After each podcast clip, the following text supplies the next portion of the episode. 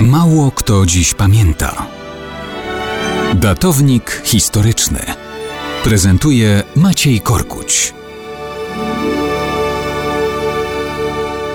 Mało kto dziś pamięta o królowej celtyckich Icenów, o imieniu Budikka, która stanęła na czele antyrzymskiego powstania na Wyspach Brytyjskich. Dzisiaj jej pomnik jest ozdobą mostu westminsterskiego. W Anglii później przez wieki wielokrotnie nawiązywano do niej jako do wzorca walki o wolność i obrońcy ojczyzny przed najeźdźcami.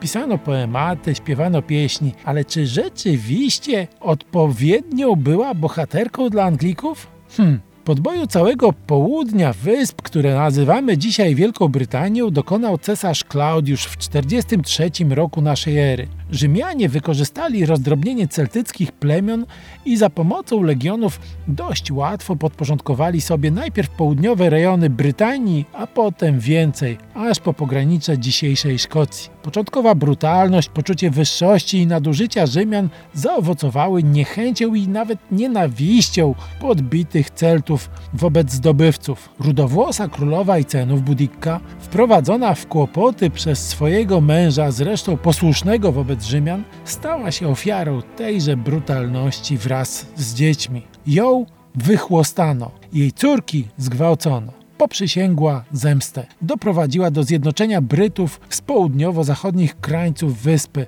Rozpoczęła powstanie, które rychło zamieniło się w rzeź pojmanych wrogów. Był rok 60 naszej ery. Rzymianie byli zszokowani, jednak w końcu przygrupowali siły i z kolei oni najpierw odnieśli zwycięstwo militarne, a potem dokonali brutalnej rzezi tysięcy Celtów. Zdaniem ówczesnego dziejopisa Tacyta, Budikka wraz z córkami popełniły samobójstwo, nie chcąc się oddać w ręce wrogów. I tak, celtycka Budikka broniła celtyckiej wyspy przed rzymskimi najeźdźcami z zamorza. Jej potomkowie kilka wieków później zostali z Brytanii wypchnięci na zachód przez germańskich najeźdźców z zamorza, czyli Anglów, Sasów i Jutów. To ich potomkami są Anglosasi. Stąd jeśli w historii o Buditce mają gdzieś swoje ponadczasowe miejsce Anglicy, to raczej po stronie tych, którzy